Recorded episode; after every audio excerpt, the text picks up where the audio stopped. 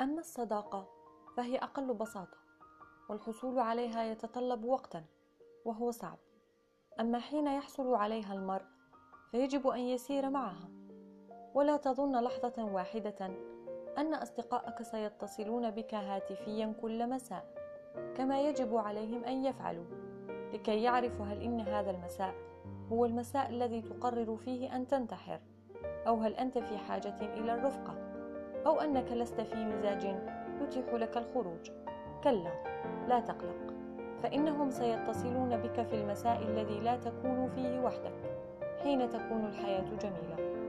أما بالنسبة للانتحار فإنهم سيدفعونك إليه على الأكثر بسبب ما تدين به لنفسك كما يعتقدون.